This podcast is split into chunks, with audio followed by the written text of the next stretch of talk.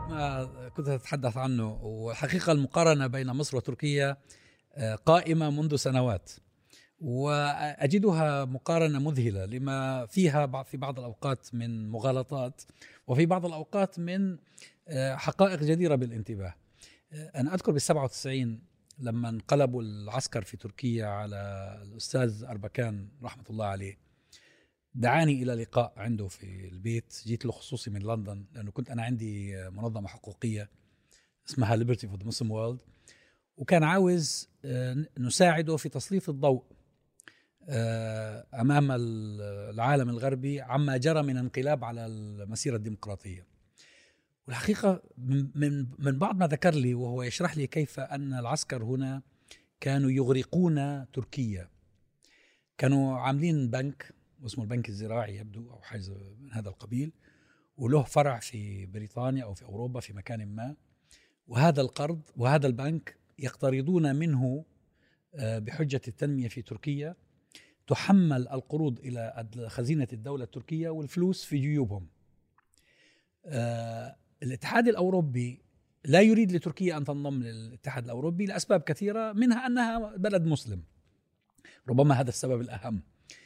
فاشترطوا عليها مجموعة من الشروط القاسية وشبه المستحيلة إلا أن الأتراك من شدة ما هم كانوا يعني حريصين على الدخول للاتحاد الأوروبي آه، التزموا وتجاوبوا.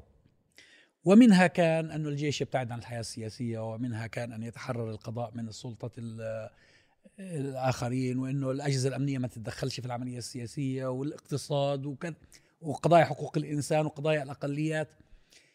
وهذا تصادف مع الحراك اللي صار في تركيا وأدى في الآخر إلى قدوم الناس اللي بيحكموا آه، حاليا. شوف اللي بيحصل الآن في حالة آه، مصر. أنا أتصور أنهم يخشون أن تصبح مصر تركيا ثانية في المنطقة. آه، ولكن في نفس الوقت هم يخشون من انهيار يؤدي إلى كوارث وتعود عليهم بال يعني بتداعيات. ولذلك اشترطوا هذه الشروط. النيويورك تايمز في مقال أخير تعلق على هذه الشروط وتقول يعني أنتم تطلبون منهم أن يخصصوا الاقتصاد. طب هو بكرة بيجيب له كم من ضابط بيحال بيحيلهم على التقاعد. ده اللي حاصل بيسلمهم الشركات. هو ده اللي حاصل. وده بيحصل بتحصل يسمى خصخصة. آه، فطالما أن الفساد مستشر في البلد فلا يؤمل أن يتحسن الوضع. يعني وهم مش هيضغطوا عليه إنه يقضوا على الفساد لأنه هم برضه خايفين إنه نهضة مشابهة للنهضة اللي حصلت في تركيا تحصل في مصر هذا آه، شيء لا لا يحتمل. هو يعني خليني أقول إنه سواء الوجه الشبه بين مصر وتركيا أو مصر والبرازيل أو مصر وأمريكا اللاتينية بشكل أساسي الدول اللي عاشت تحت الحكم عسكري بشكل كبير أو شبه التشابه يعني مضطردة بشكل واسع. يعني تختلف في بعض الفصول م. هنا بعض الفصول هنا بعض النقاط هنا لكن في الأخير هي آه، متشابهة. آه، النقطة الثانية إنه آه، مصر يعني تختلف كتير الكلام بتاع إن مصر ما ما تقومش أو تفضل دولة بهذا الوضع. صعب على بلد في هذا المكان وبهذا الحجم وبهذه الأعداد الكبيرة والقريبة من السواحل الأوروبية بشكل أساسي. يعني دي مش العراق مثلا دولة يعني بعيدة عن آه، أوروبا. آه، مش سوريا آه، دولة مش قريبة من لازم تعدى لا مصر ليها حدود مباشرة أو اتصال مباشر مع مع أوروبا بشكل واسع. دولة حجم الشعب فيها 110 مليون حاليا بنتكلم 110 مليون فهم ما عندهمش رفاهية إن يسمحوا إن دولة بهذا الشكل إن هي تفشل فتؤدي إلى مساحة من الهجرة الغير نظامية الواسعة جدا ليهم آه، وما تقدرش أوروبا على آه، احتمالها. النقطة الثالثه آه، ودي نقطة مهمة العسكر أو الحكم العسكري في كل العالم نفس المساحة ونفس الطريق نفس الفشل سواء السياسي أو الاقتصادي بيستخدم في السياسة القبضة الأمنية الشديدة والسلاح والاعتقال والمنافي والقتل بشكل واسع آه، وفي في الاقتصاد يفشل فشل ذريعا لا يستطيع أن يقدم أي حلول ليه. بالرغم إن مثلا إمكانيات دولة زي مصر إمكانيات ليست بسيطة وليست قليلة سواء من الثروات أو من اليد العاملة أو من الموقع الاستراتيجي آه، اللي يسمح لها إن هي تكون معبر حقيقي للتجارة الدولية بشكل واسع. وده ممكن نتكلم فيه مساحة المنافسة أو مساحة السيطرة اللي عايزة تعملها بعض دول الخليج على الحركة آه، التجارية العالمية وسيطرتها على الممرات المائية آه، سواء في قناة السويس أو جبل علي أو إحنا بنتكلم على مدخل آه، هو يمكن المندب. عاوز أقول لو إحنا بنتكلم عن الفرصة اللي أعطيت لكل من مصر وتركيا فالفرصة التي أعطيت لتركيا في وجود العدالة والتنمية تم استغلالها بشكل قوي جدا من إعادة أو الاستفادة من البنية الموجودة في القطاع الزراعي والصناعي بشكل كبير وتطويرها ومن أهم عوامل نجاح المنتج التركي انه كان بيستهدف السوق الأوروبية فيستوفى الشروط والمواصفات الخاصة بالاتحاد الأوروبي. فبالتالي لما بيروح إفريقيا فهو منتج متميز جدا آه، بين المنتج الأوروبي والمنتج الصيني في مرحلة هو أجود من الصيني وأقل من الأوروبي. آه، فبالتالي الفرصة تم استغلالها وتم حصول على نتائج إيجابية. بينما مصر أعطيت نفس الفرصة على فكرة.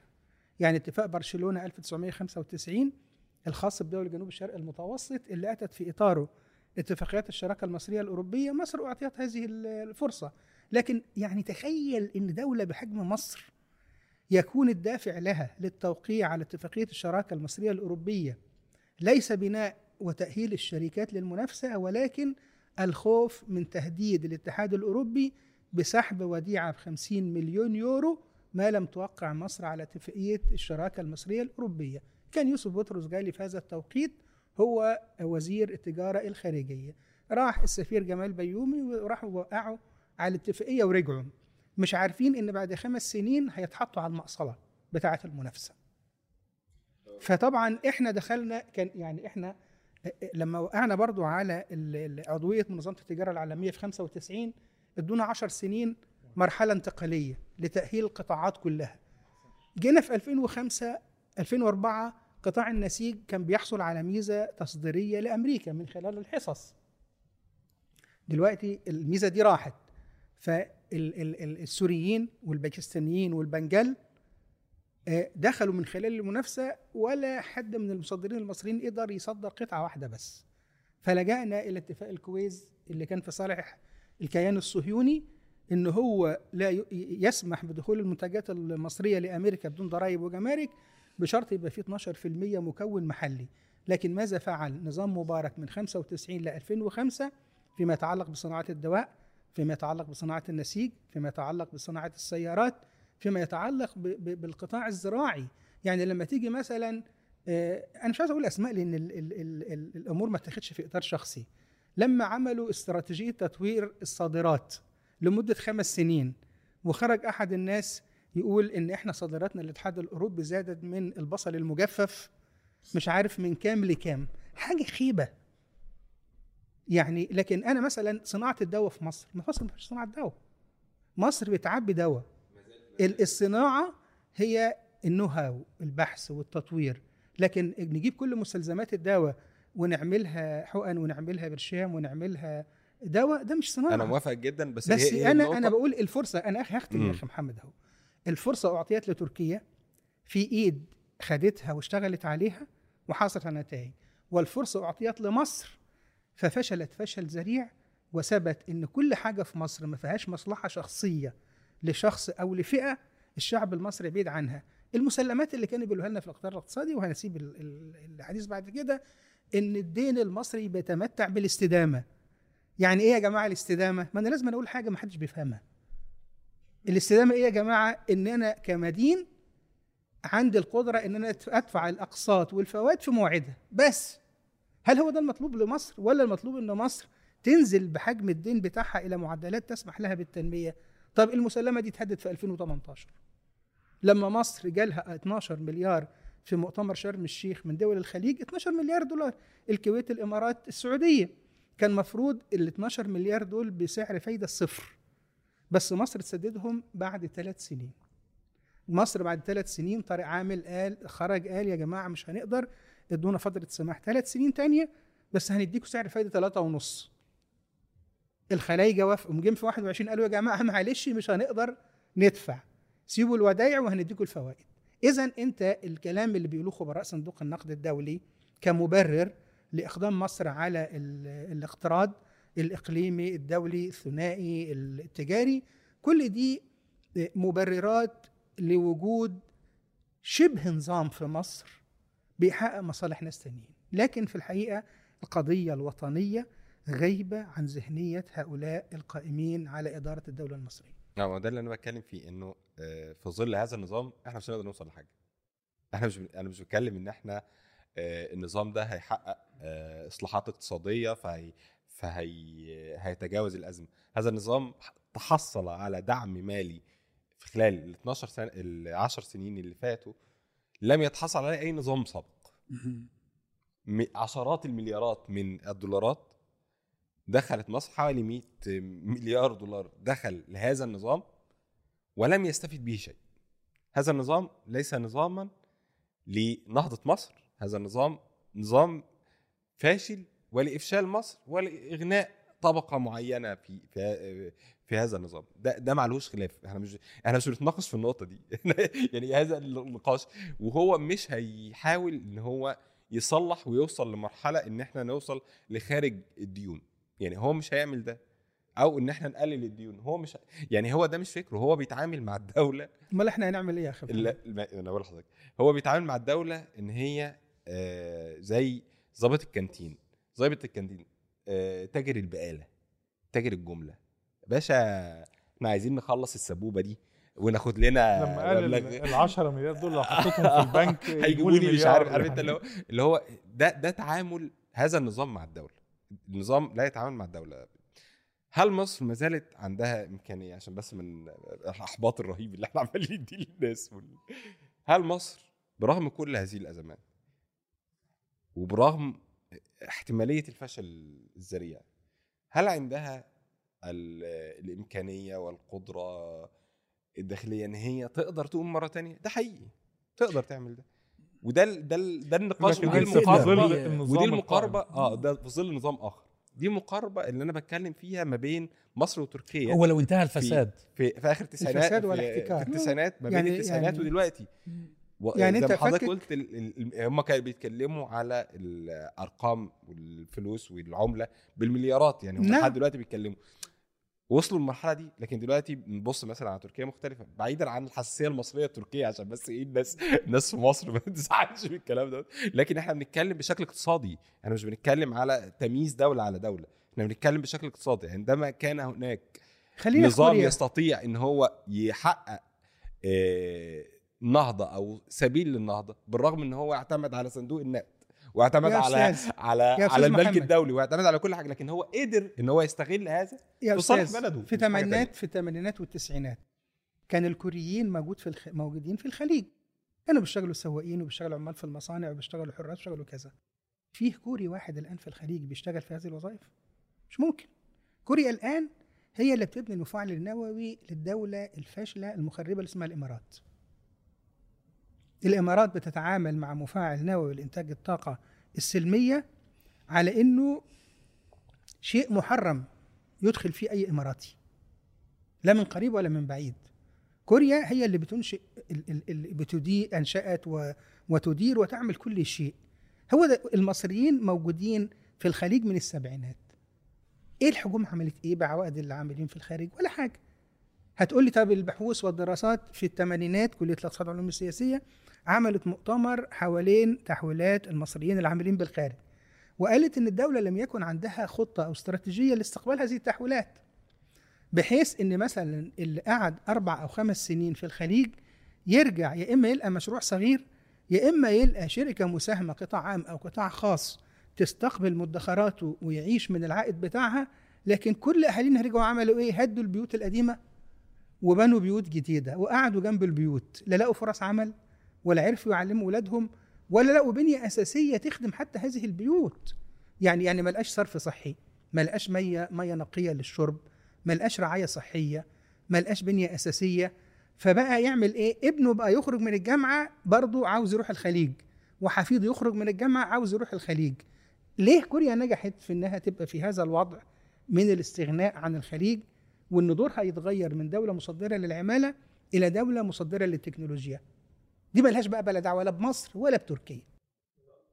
قارن بقى ب- ب- ب- بكوريا. ما أنا بقول لك هي هي القضية قضية إرادة, الإرادة سياسية والمحاسبة وال- والرقابة وصناعة. معادلة آه. اجتماعيه وده لا صناعة يعني معادلة اجتماعية يا يمكن دكتور محمد. لحديثنا عن 25 يناير. أنا أظن إن كان ال ال النقطة المهمة في 25 يناير هو محاولة بناء نظام هذا النظام يكون يتمتع بقدر يعني من الشفافية وقدر من المحاسبة؟ اللي هو في النهاية بيخلي بوصله النظام وبوصله الحكومة في أن تحقق ما يعني يعني التنمية للشعب. و و والانتكاس السريع للتحول الديمقراطي في مصر. طبعا إحنا ما فيش ارتباط شرطي بين الديمقراطية والتنمية. يعني هذه مسألة مفهومة. لكن الشفافية و- وفاعلية النظام السياسي مهمة جدا من أجل. والمحاسبة. من أجل التنمية. آم، دخلنا يمكن في خناقة كبيرة يعني مع مع النخبة حاكمة دخلنا في خناقة آه، مع الدولة العميقة. ويمكن هنا الإشارة إلى إلى مسألة ال- الوضع التركي والوضع المصري في آه، العلاقات المدنية العسكرية. هي مسألة مهمة فعلا. يعني في حتى ما قبل الاتحاد الأوروبي والحديث عن الاتحاد الأوروبي في نمطين للهيمنة العسكرية مختلفين. ال- الهيمنة العسكرية في ال- الحالة التركية في الجمهورية التركية كان فيها نظام وصايه آه، وفيها اللي هو in and out يعني هو بي- بيكون وصي على النظام السياسي وعندما يحدث في النظام السياسي ما يعني آه، يأخذ مسار لا يرضى عنه يتدخل ويتدخل في حالات آه يعمل. resetting يعني يعيد ضبط. النظام ثم يعود مرة أخرى ويترك مساحة للسياسة المدنية ولتكوين الأحزاب والتنافس السياسي فكان في حفاظ على مساحة من آه، مدنية السياسة وبالتالي كنت يعني في في في, في أحد الأوراق حدثت عنها فكرة ال- الجمهورية التي تح- يحميها الضباط. في مصر هي جمهورية اخترقها الضباط. يعني عن- عند آه، عندما طرقها بالراء ولا باللام؟ اخترق اخترقها. اخترقها يعني غزاها. يعني عندما لا، هو عندما هو اختلقها بمعنى. اخترقها لا لأن لا محمد علي نفسه عسكري.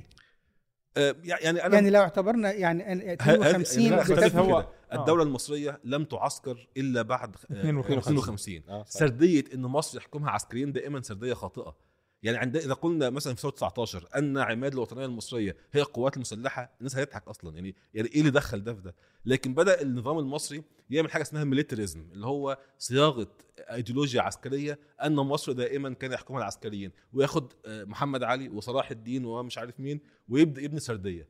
ال- ال- الدولة المصرية لم تعسكر بشكل حقيقي إلا في إلا بعد 52 فأختم بهذا الفرق. ال- ال- العلاقة المدنية العسكرية في تركيا كان هناك مساحة متروكة للسياسة المدنية تسمح بتشكيل أحزاب بتداول سلطة ثم كان هناك احتياج من وقت لآخر للتدخل عن طريق الانقلابات. الجيش في مصر عندما دخل إلى السياسة في 52 لم يخرج منها ولم يكن مضطر أن يقوم بأي انقلاب إلا في آه، لا 2013 وبالوقت بدأ يتمدد من السياسة لمجالات أخرى. يعني صحيح هو كان في مساحة مساحة تعويض ومساحة يعني آه، آه، ترضيه في آخر عهد السادات. آه، عندما بدأ يعني يقلم أدوار الجيش السياسية بمساحات اقتصادية. لكن في النهاية كل رؤساء الدولة المصرية كانوا من من خلفية عسكرية. وكان هناك آه، اضطهاد وتضييق مستمر لمساحة السياسة المدنية.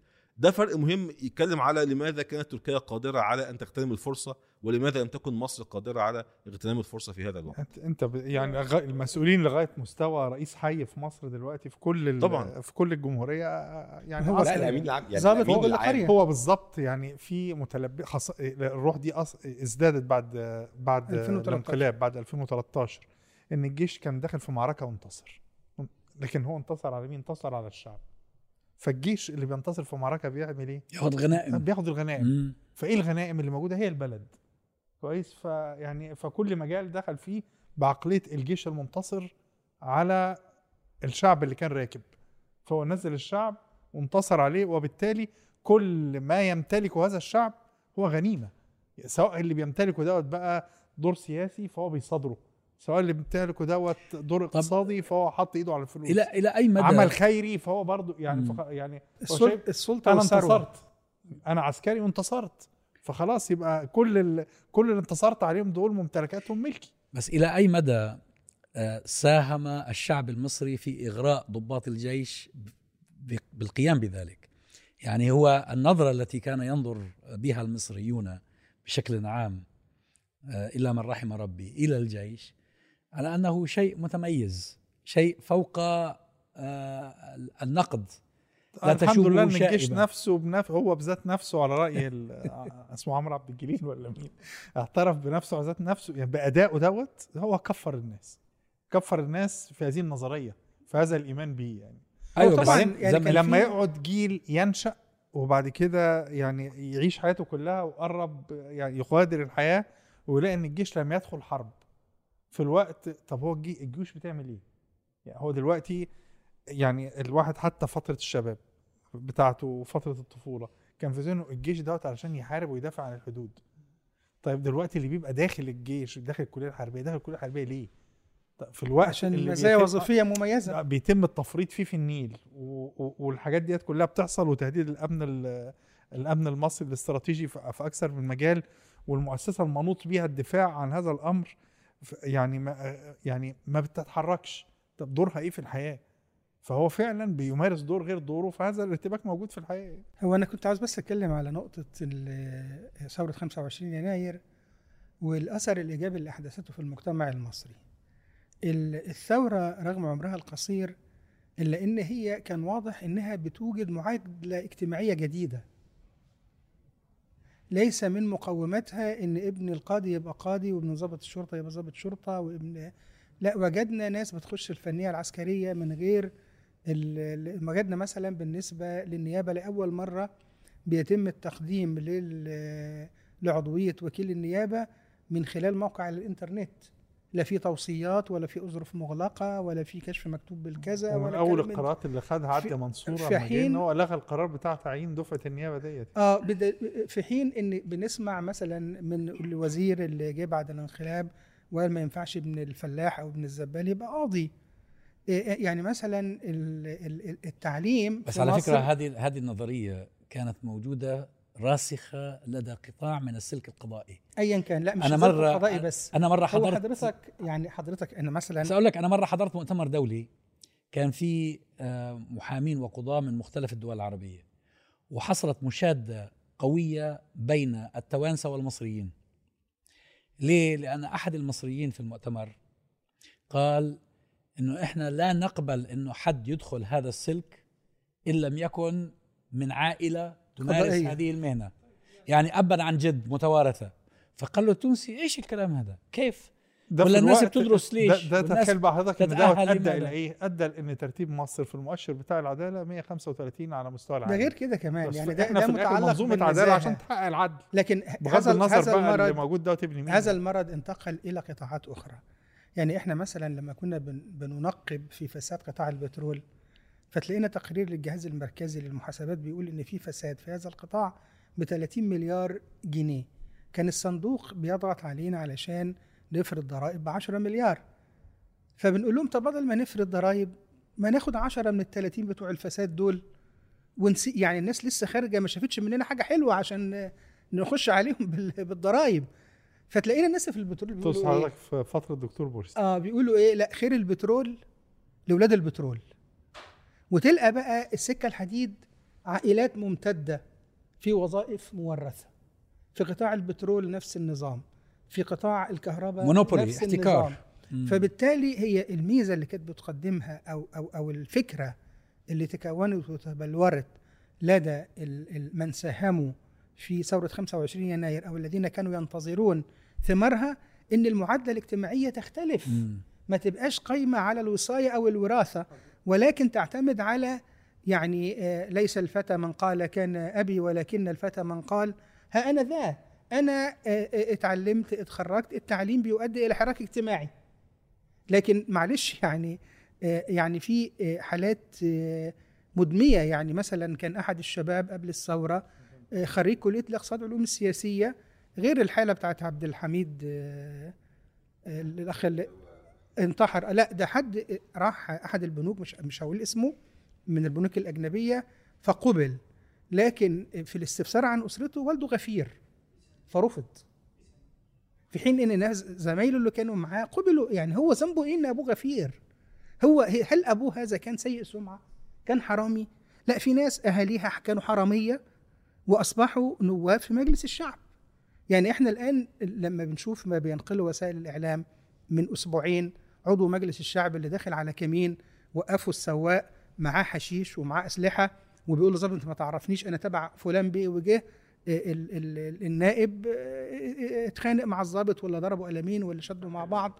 وحصلت يعني عاوز أقول لك لا هي يا إخوانا هي طبعا ثورة 25 يناير مش كانت هتدوس على زرار تغير المعادلة الاجتماعية لكن الناس يبقى عندها أمل في إني ما نتقدم لوظيفة. أنا يعني في دفعتي حد راح الجهاز المركزي للتنظيم والإدارة ودخل المسابقة.